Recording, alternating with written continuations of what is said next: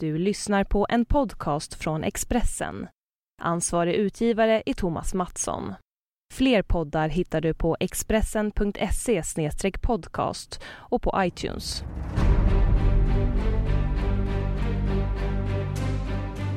Dimman välde in över fälten.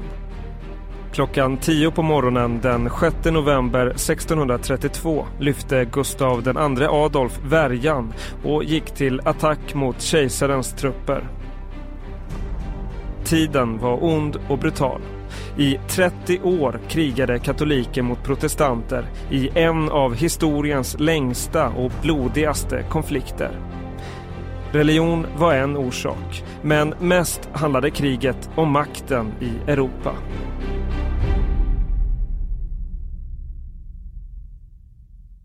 I krutröken och dimman rider lejonet från Norden till anfall i spetsen för Smålands ryttare. Allt går fel. Befälhavaren omringas. Första skottet träffar honom i vänstra överarmen och krossar benpipan. Han klarar inte att tygla hästen med en arm. Nästa skott träffar i högra skulderbladet. Han faller ihop, släpas längs marken med ena stövens sporre fast i stigbygeln. Livet och striden är över för Gustav II Adolf, kungen av Sverige. Varför den 37-åriga kungen sätter livet på spel i ett anfall utan att ha tillräckligt understöd av andra soldater har förbryllat historiker sedan den olyckliga dagen i november 1632. En förklaring är hästen. Den ädla hingsten som kungen just har köpt av överste Johan Streif von Lauenstein. Hästen som kungen döpt efter säljaren är kraftig, bångstyrig och stark. Streif är en Oldenburgare, en tysk hästras med ett kynne som passar i krig. Kungen har betalt tusen riksdaler, 15 gånger mer än vad en vanlig häst kostar. Det är skillnad att rida en Oldenburgare mot de mindre och sävligare svenska hästar som kungen är van vid. Ungefär som att ratta en Lamborghini i förhållande till en gammal Volvo. Kungen klarar inte att styra undan med en hand i tygen medan han känner den bultande smärtan efter skottet i andra armen.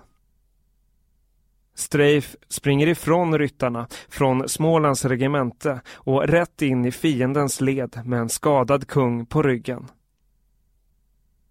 På överkroppen bär kungen en kort gul jacka av älgskinn.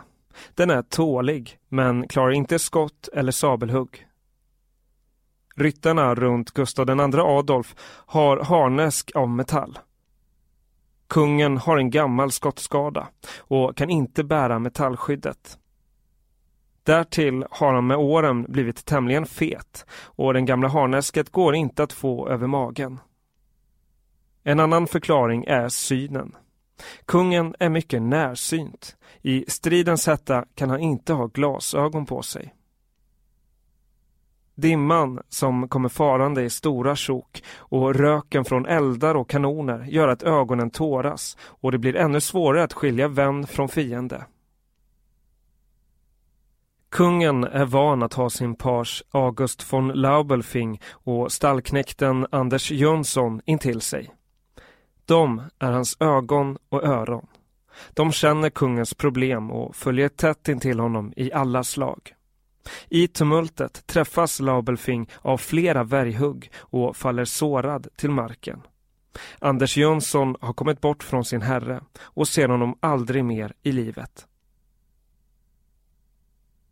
Kungen faller av Streif. Han lever ännu då två ryttare från fiendesidan kliver av sina hästar. De ser på den sårade mannens kläder att han är av hög rang. De frågar på tyska efter hans namn. Jag är kungen av Sverige, svarar han. Ryttarna skjuter den dödande kulan genom kungens huvud och stöter värjan i hans bröst. Därpå plundrar de honom. De tar ringen med det kungliga sigillet, guldkedjan som han har runt halsen, drar av stövlarna och läderbyxorna. Under tiden har Streif sprungit tillbaka till svenskarnas läger. Det är blod i sadeln och pistolerna i sadelhulstren är avfyrade. En patrull skickas ut.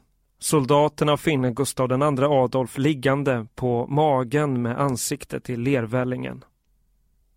Det plundrarna lämnat kvar är en blodig skjorta, två sönderstuckna undertröjor och strumporna. Parsen Laubelfing ligger intill. Han lever ännu och orkar berätta om kungens sista minuter i livet innan han dör. Klockan är strax efter 13. Slaget har pågått i tre timmar.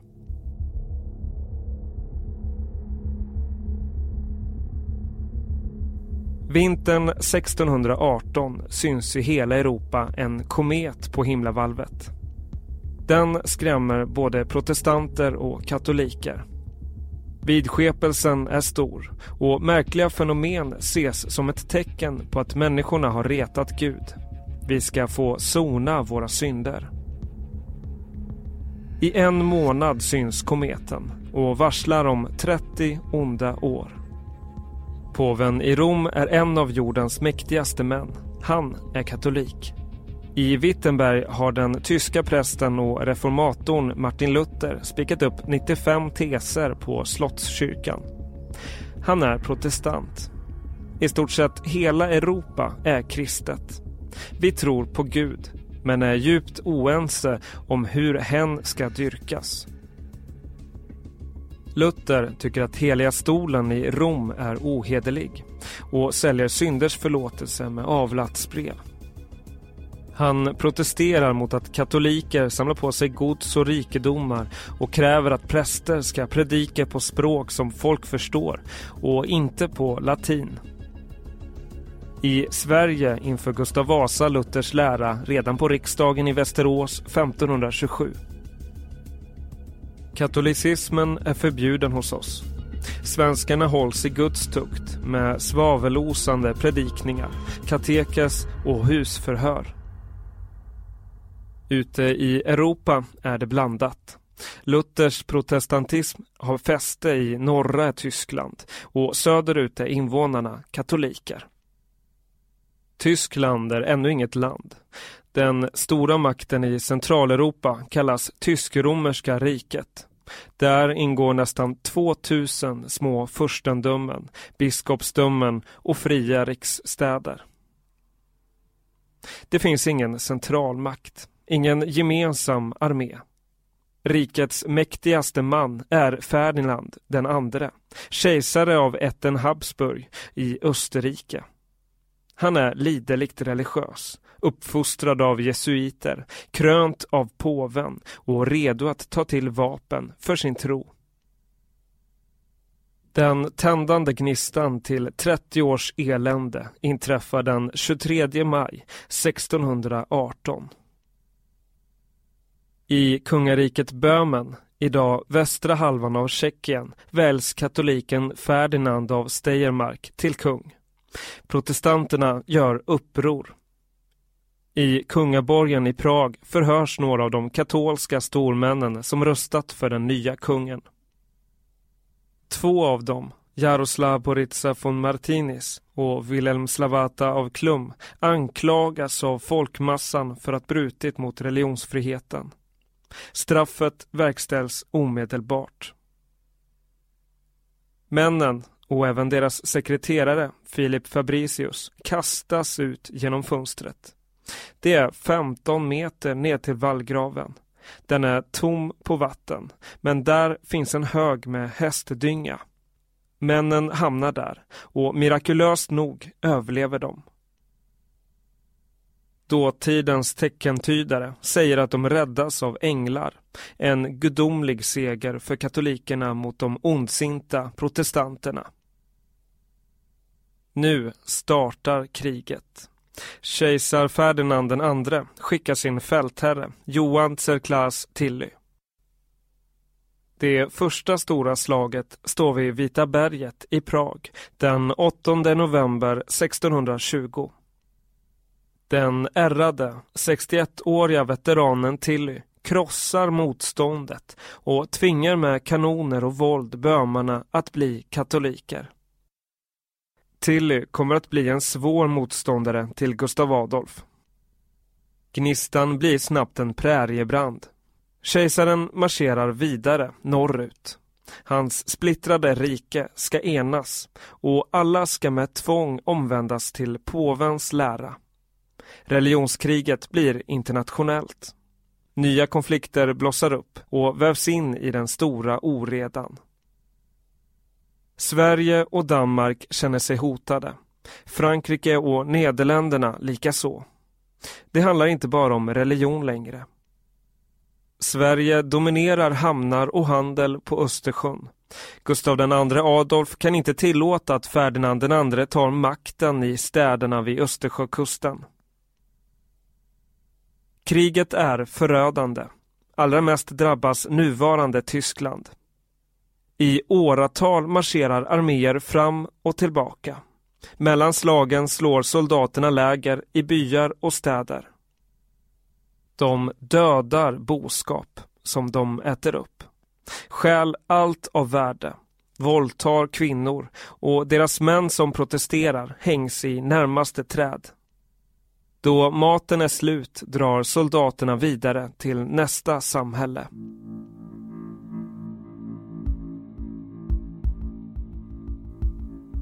Båda sidor har legoknektar, råskinn till yrkessoldater som struntar i vem de krigar för så länge de får betalt och kan plundra civilbefolkningen. För dem är krig ett sätt att leva. I boken Ett stort lidande har kommit över oss berättar historieprofessorn Dick Harrison om katastrofen för tyskarna Fem miljoner tyskar dog och ledde till att den dåvarande folkmängden minskade med 20 procent. Harrison skriver om grymma metoder som soldaterna använder för att få befolkningen att avslöja vad de gömt dyrbarheter som smycken eller matförråd. Den mest ökända tortyrmetoden kallas Schwedentrunk, svenskdrinken. Offret bands och en träkil sattes i munnen. Därefter tog knäktarna fram en hink fylld med lortvatten eller avföring som de tömde i gapet med en tratt. Smärtorna var fruktansvärda då magsäcken vidgades för att kunna rymma vätskan, skriver Harrison. Hur många soldater som dör på slagfälten finns det inga säkra uppgifter om. När det gäller svenskar vet vi att mellan 50 och 55 000 män dör de första krigsåren. Tiotusentals dör i pest och andra sjukdomar som följer i krigets spår. Historieprofessorn Jan Lindegren i Uppsala skriver i sin doktorsavhandling om svenska knäktar från samhället Bygdeå i Västerbotten. Därifrån hämtas 230 unga män till kriget. 215 av dem dör och ytterligare fem återvänder som krigsinvalider. Gustav Adolf föds den 9 december 1594 på slottet Tre Kronor i Stockholm. Pappa är den 44-åriga hertig Karl och mamma den 21-åriga Kristina av Holstein Gottorp.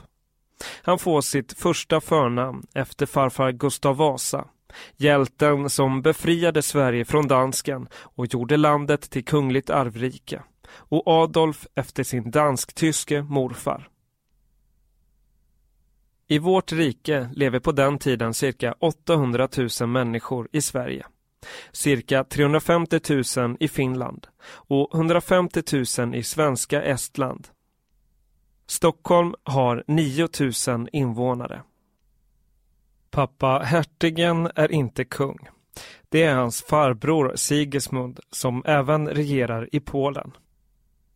Hertigen och hans familj bor i 1100-talsborgen Nyköpingshus och har bara tillåtelse att vara på slottet i Stockholm då Sigismund är borta. Det dröjer inte länge förrän den saken ändras. Hertigen är en man med smak för makt. Gustav Adolf är fyra år då pappan utkämpar ett blodigt slag vid Stångebro utanför Linköping mot Sigismunds styrkor. Hertigen vinner, blir kung Karl den nionde och hämnas på adelsmännen som stött Sigismund med att hugga huvuden av dem på galgbacken i Linköping. En av de avrättade är rikskanslern Erik Sparre som är dopfadder åt Gustav Adolf. Sigismund flyr hem till Warszawa, men han har inte gett upp. Krigen mot Polen blir många. Gustav Adolf uppfostras att bli krigarkung. Han är sex år då pappa tar med honom till krigsutbrott i svenska Estland. Gustav Adolf upplever krutrök för första gången. Litauiska kavalleriet stormar till attack mot svenskarna med rykande pistoler, svärd och pilbågar. Karl den niondes trupper lider ett svårt nederlag vid Salapils. Kungen och prinsen återvänder hem. Vägen tillbaka går över frusna isar i Finska viken. Flera av de kungliga fartygen går under. Kung Karl och sonen lyckas ta sig i land oskadda. De tvingas göra en lång och kylig resa med häst och släde runt Bottenviken upp till norra Finland, genom norra Sverige och till Stockholm. Kungen ser äventyret som en härdande övning för sonen inför kommande strider. Den unge Gustav Adolf har två stora intressen. Språk och militär strategi. Språken klarar han galant. Hemma pratar han tyska med sin mamma och svenska med pappan. Italienska, engelska, franska, latin och holländska lär han sig i studiekammaren. Militärens alla knep lär han av krigsmännen i pappas hov. Som nioåring är han med på militära manövrar. Gustav Adolf sitter på sin ponny och huvudet når precis upp till stigbyglarna på pappa, som rider intill. Prinsen har ett explosivt temperament. Gör inte hovfolket som han säger kan han få häftiga utbrott. Han kan bli kolerisk och hota med att den som irriterar honom ska få repet till halsband eller betala med huvudet. Utbrotten kommer oftast då Gustav Adolf är hungrig. Nutida forskare tror att han kan ha haft låg blodsockerhalt. Mat är hans passion, redan som barn. På middagsbordet kan det stå 30 rätter plus många varianter av efterrätter. Gustav Adolf är 15 år då han får nog av undervisningen. Han får andra intressen. Jakt, krigsövningar, kortspel. Och kvinnor. Ebba Brahe heter kronprinsens stora kärlek och henne får han aldrig. Det är en tonårsromans. Ebba Brahe är två år yngre än Gustav Adolf. Hon är hovfröken hos drottningen, född i en familj med allra blåaste adliga blod. Hennes skönhet beskrivs så här av en samtida skald. Ögonen av kristall, kinderna av morgonrodnad, läpparna av rosor, munnen av behag.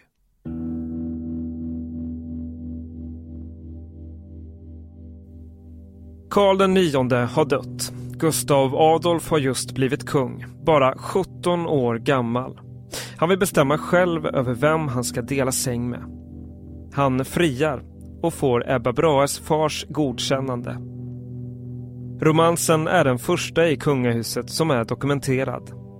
Tio kärleksbrev från Gustav Adolf och ett från Ebba Brahe finns i Riksarkivet. Ett av breven skriver kungen till sin unga kvinna då han är på väg till ett fältslag i Ryssland. I brevet ligger en pressad Forget Me Gay. Hovet och allra mest Gustav Adolfs mamma och hans farmor säger absolut nej till äktenskap. De söker lämpligare kandidater. Förstliga bröllop på den tiden är allianser mellan länder. Den 26-åriga kungens brud blir 21-åriga Maria Eleonora av Brandenburg. Ränkmakarna i hovet har räknat ut det strategiskt.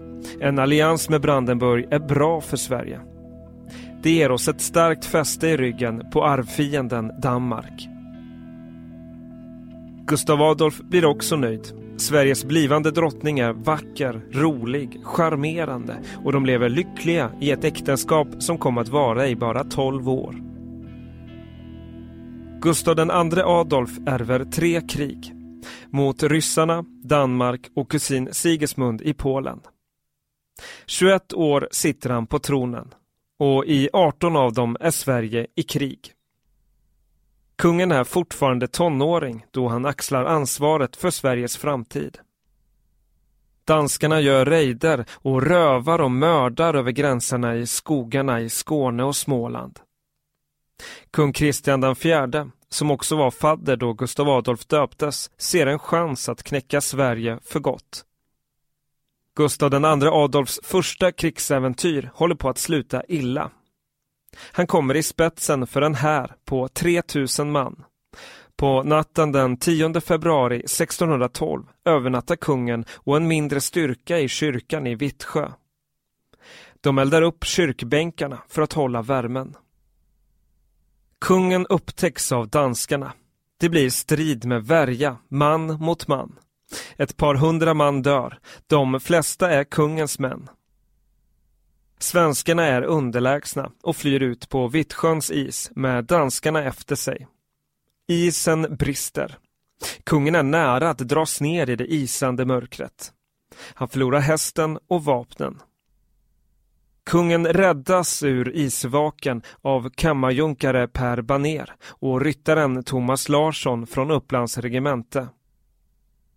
De belönas senare rikligt. Ryttaren får hemmanet Ingelsta och Baner dubbas till riddare. Kriget tar slut efter att britterna tröttnat på att vapenskramlet till havs stör deras sjöfart.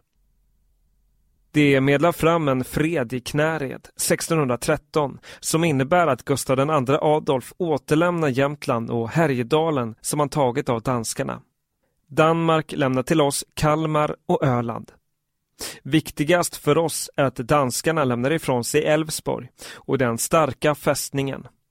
Där finns vår enda hamn västerut. Danske kungen sätter ett högt pris. En miljon silverriksdaler. Danmark kräver kontant betalning inom sex år. Annars tar de tillbaka fästningen. Älvsborgs lösen blir en betungande börda för svenskarna. Extra skatter införs för alla medborgare. Kungen betalar 32 procent av kronans inkomst. Pengar från koppargruvorna i Bergslagen ger stora bidrag. Den första inbetalningen, 250 000 riksdaler, levereras i skattkistor som bevakas av 100 ryttare och 100 knektar till danske kungen 1616. Då lösensumman är betald grundar kungen en stad nära Göta älvs mynning. Det är år 1621. Den byggs av holländare och kallas i början Nya Amsterdam. Nu heter staden Göteborg. Gustav Adolf är kung av ett slag som Sverige aldrig sett. Han är krigare, modig, rent av dödsföraktande, sitter i sadeln med värjan i luften och rider i spetsen för sina soldater till attack. De flesta av våra tidigare krigarkungar har suttit bakom fronten med kikare och låtit knäktarna ta alla livsfarliga risker. Kungen är 19 år då han krigar igen. Nu är det Ryssland.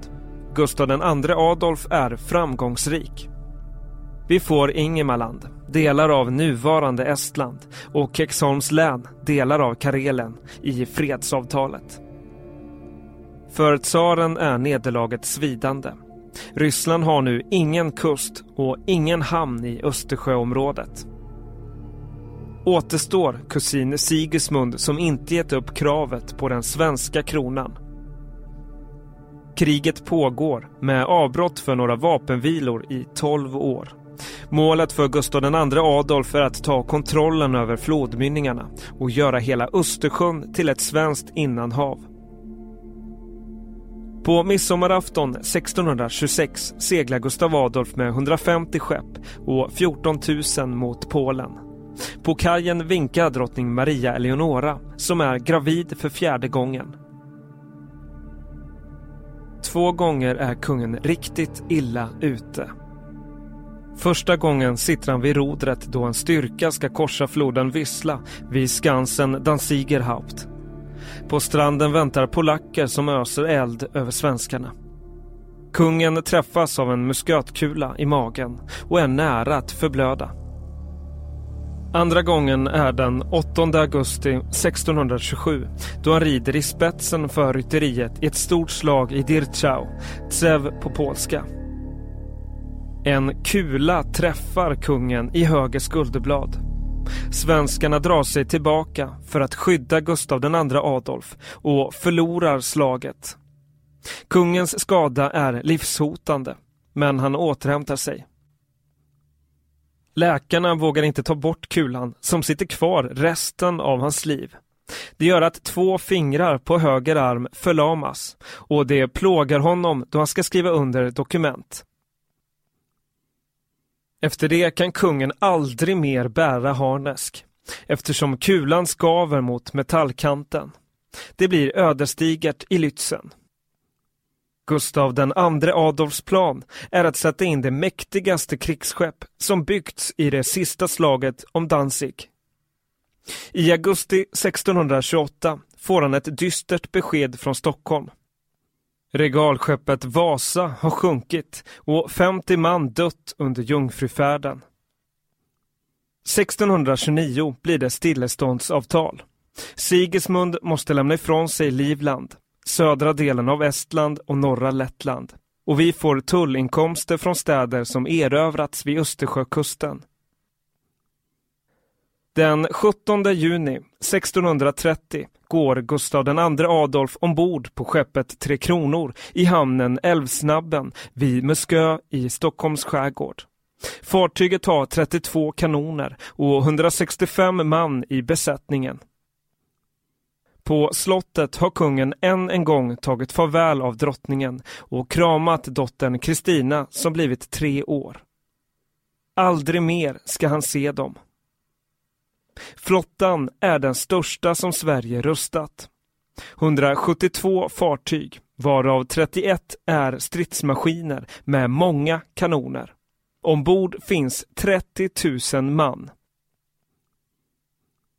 Lejonet från Norden startar resan för att frälsa Europa från påvens förtryck. Rykten har löpt sedan länge bland protestanterna i norra Europa. Enligt en legend ska ett gult lejon från midnattslandet komma för att besegra ondskans örn. Örnen är den katolske kejsaren. Det europeiska storkriget har pågått i tolv år redan. Varför träder Sverige in? Gustav II Adolf är själv en djupt troende anhängare av Luthers kyrka. Våra trosbröder i söder håller på att mördas. På predikstolarna dundrar prästerna att det är vår plikt att försvara dem. Det är en orsak. Det finns fler. Gustav Adolf är besatt att ge Sverige makt och ära. Sverige ska bli en stormakt. Religion och politik blir ett. Den tysk-romerska kejsaren håller på att bygga upp en flotta som kan komma att hota Sveriges inkomstbringande affärer i Östersjön. Dessutom, och det är allvarligt, är kejsaren god vän med den katolske Sigismund i Polen. För Gustav Adolf vore det en mardröm om de två slår ihop sina arméer mot Sverige. Det är bättre att kriga i fiendens land än i sitt eget. Efter en vecka till havs går svenskarna i land i Penimunde på ön Osedoms nordvästra udde. Det är dags att gå i strid. Svenskarna har stora framgångar de första månaderna. De tar Pommern och Mecklenburg. Det är platt landskap. Marscherna går snabbt. Motståndet är svagt. Gustav Adolfs armé växer eftersom besegrade knektar ofta går över till svenska sidan. Från Sverige och Finland skeppas ytterligare 10 000 soldater. Magdeburg är en stad i Sachsen-Anhalt i mellersta Tyskland, inte långt ifrån Berlin. Den är protestantisk och en av de första som frivilligt går över på svenskarnas sida. Kejsaren bannlyser Magdeburg. I staden finns en 104 meter hög katolsk katedral, döpt efter helgonen Katarina och Mauritius. Prästerna har tvingats konvertera till protestantismen, men i katedralens valv förvaras värdefulla katolska skatter. Här möter Gustav Adolf för första gången en fältherre som kommer att vålla honom mycket besvär.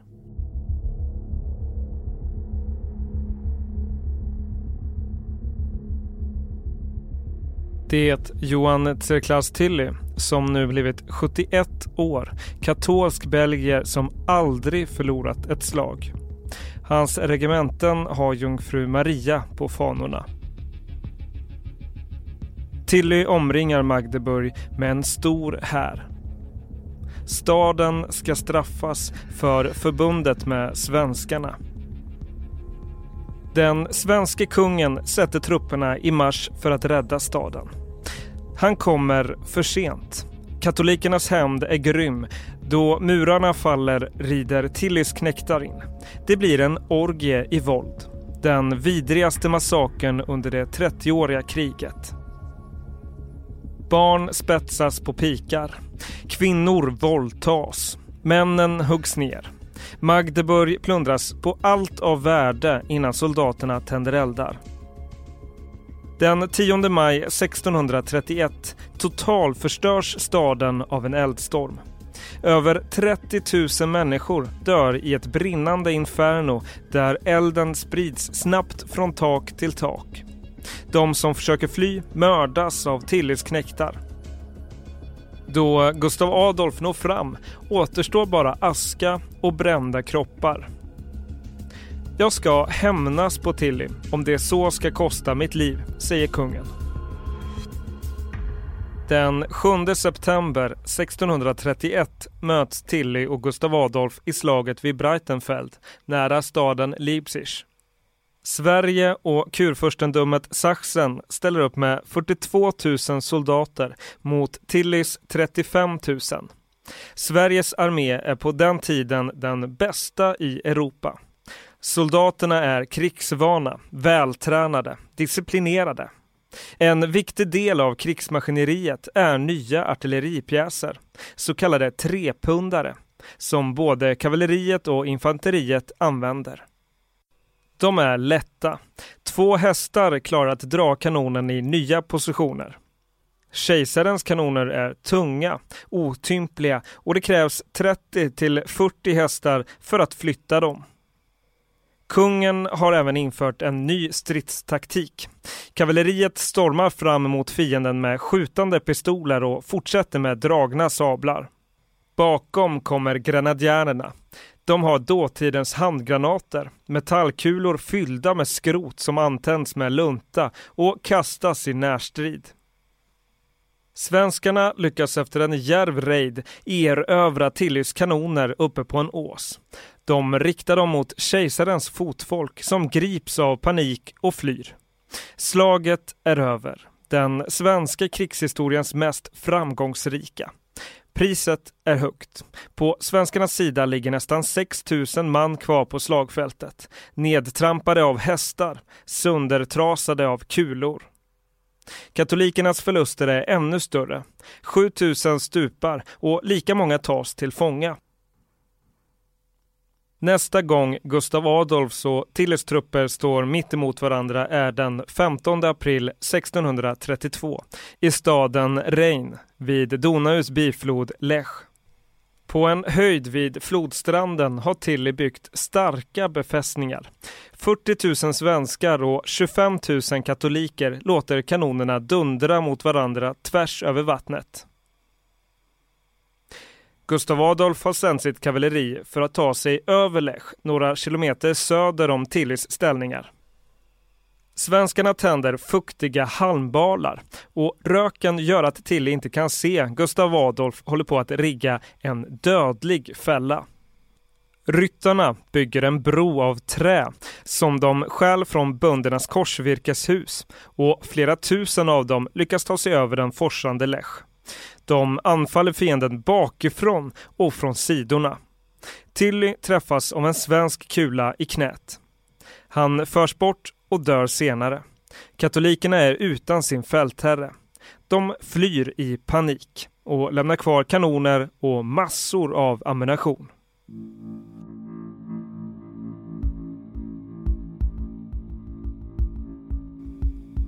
Vägen är öppen mot söder, mot det katolska Bayern, mot fiendens hjärta. Den 7 maj tågar Gustav Adolf med 30 000 man in i den bayerska huvudstaden München. Stadsborna darrar. De fruktar att de ska få betala för massakern i Magdeburg. Stadens rika borgare och kurfursten och hans familj har redan flytt till kejsaren i Wien. Svenskarna plundrar. Bytet blir rikligt. Konst, bibliotekens dyrbara böcker, kyrkornas klenoder, borghusens guld och silver. Men knäktarna skonar Münchenborna. I utbyte kräver Gustav Adolf 300 000 riksdaler till krigskassan. På Marienplatz i centrala München står än idag en guldfärgad staty som rests till minne av det Bajrarna kallar undret i München. Den restes som ett tack till himmelska makter för att svenskarna skonade staden från ödeläggelse. En tysk legend berättar att Hofbrauhaus, världens mest berömda ölkällare, är orsak till att inte Gustav Adolf brände staden. Hofbrauhaus ligger vid torget Platzel, nära monumentet med guldstatyn. Det sägs att Gustav Adolf firar erövringen med sina män där.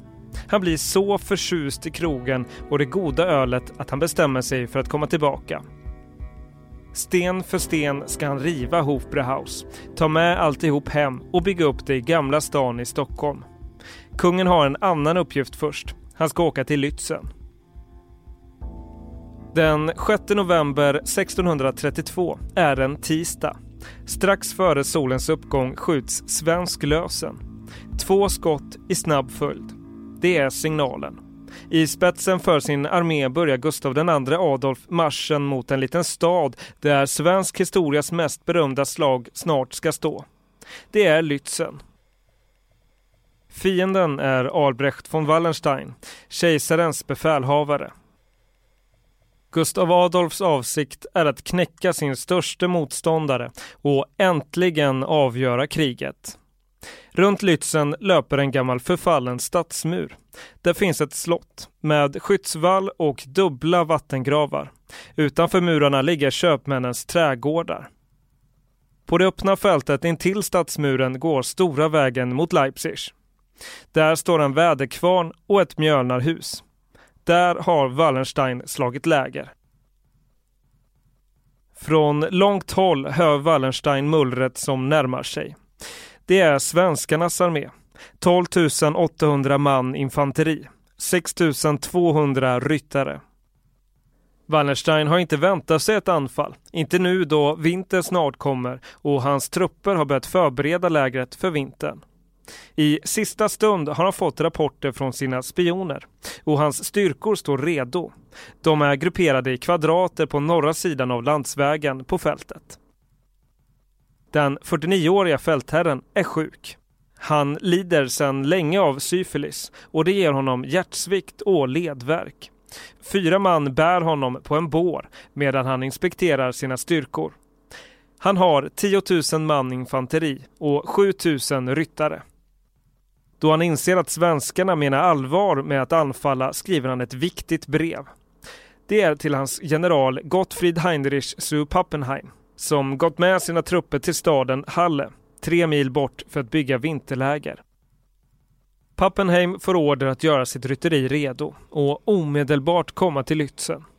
Svenskarna marscherar genom tjock dimma som böljar i sjok och sveper in fälten i ett ogenomträngligt töcken. Då de närmar sig Lützen känner de brandrök. Wallenstein har satt eld på de många trähusen i staden och röken väller rätt mot svenskarna. För Gustav Adolf är dimman ett problem och hinder. För försvararen Wallenstein en gudasänd gåva. Strax efter klockan tio börjar slaget. Gustav II Adolf svingar sin värja. I larmet från trummor och krigstrumpeter hörs hans stridsrop bara till dem som rider närmast. Inom ett ögonblick skälver marken. Lyften fylls av ett dån som spräcker trumhinnor. Kanonerna mullrar. Kulorna är helvetesklot som sliter knäktar och hästar i stycken. Landsvägen mot Leipzig blir en skiljelinje. I dikena har Wallenstein placerat musketerna med mynningsladdade gevär. Gustav Adolfs första linje av infanterister börjar avancera. De följs av trumslagarna och männen med regementets fanor. De flesta faller för musketerernas kulor. Elitstyrkan Gula brigaden leds av kungens favoritsoldat, den 29-åriga Nils Brahe. Han lyckas komma över landsvägen och skjuter och hugger sig in i fiendens infanterigrupper. Kungen har också framgångar. Han rider i spetsen för en trupp på högra flanken som spräcker Wallensteins linjer. Pappenheim når fram då slaget pågått i cirka två timmar. Han har ridit hela natten och morgonen. Han har med sig 4600 ryttare i järnrustningar. De går till anfall mot svenskarnas högra flygel, där Gustav Adolf befinner sig. Också för general Pappenheim blir det den sista striden. Han sitter på sin häst och har just dragit sabeln då han träffas av en svensk falkonett, en artilleriprojektil som krossar skuldran. Generalen bärs från slagfältet, men dör strax efter. Kungen ser hur Pappenheims ryttare skär genom svenska linjer och massakrerar fotsoldaterna. Han fattar beslutet som blir hans död. Smålands ryttare följer kungen och han ger tecken till regementet från Östergötland att följa. Olyckan är att östgötarna stoppas av kraftig eld och många av dem faller döda av hästarna. Kungen och den lilla grupp smålänningar som ännu lever är plötsligt ensamma och omgivna av fiender. Då kommer första skottet.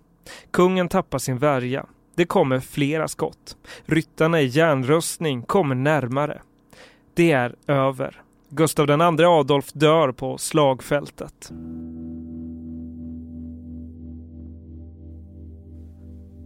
Två timmar senare hittas kungens plundrade kropp. Den blodiga slakten pågår runt om.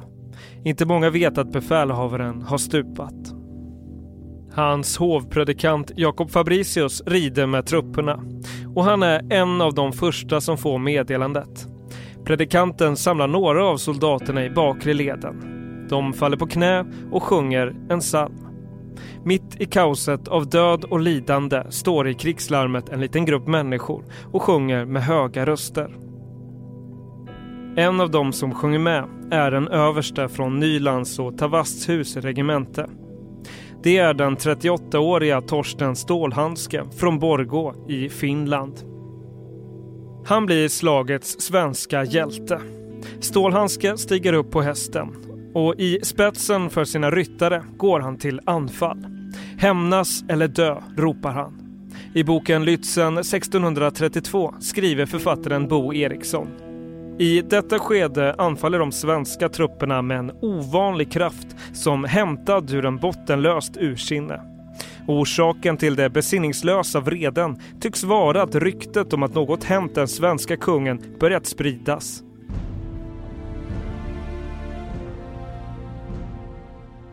Då mörkret faller ger Wallenstein order om reträtt.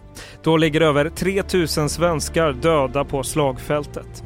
1600 har sårats. Av Wallensteins styrkor dör mellan 3000 och 4000. Slaget i Lützen är över, men kriget fortsätter i ännu 16 år av lidande, död och sorg. I oktober 1648 sluts freden i Västfallen. Sverige får Fåpommern och en del av Hinterpommern, staden Wismar samt biskopsstiftelsen Bremen och Färden. Vi får också 5 miljoner riksdaler i skadestånd från tyskarna. Vi blir en stormakt till priset av en kung och många tusen soldater och ett hav av tårar.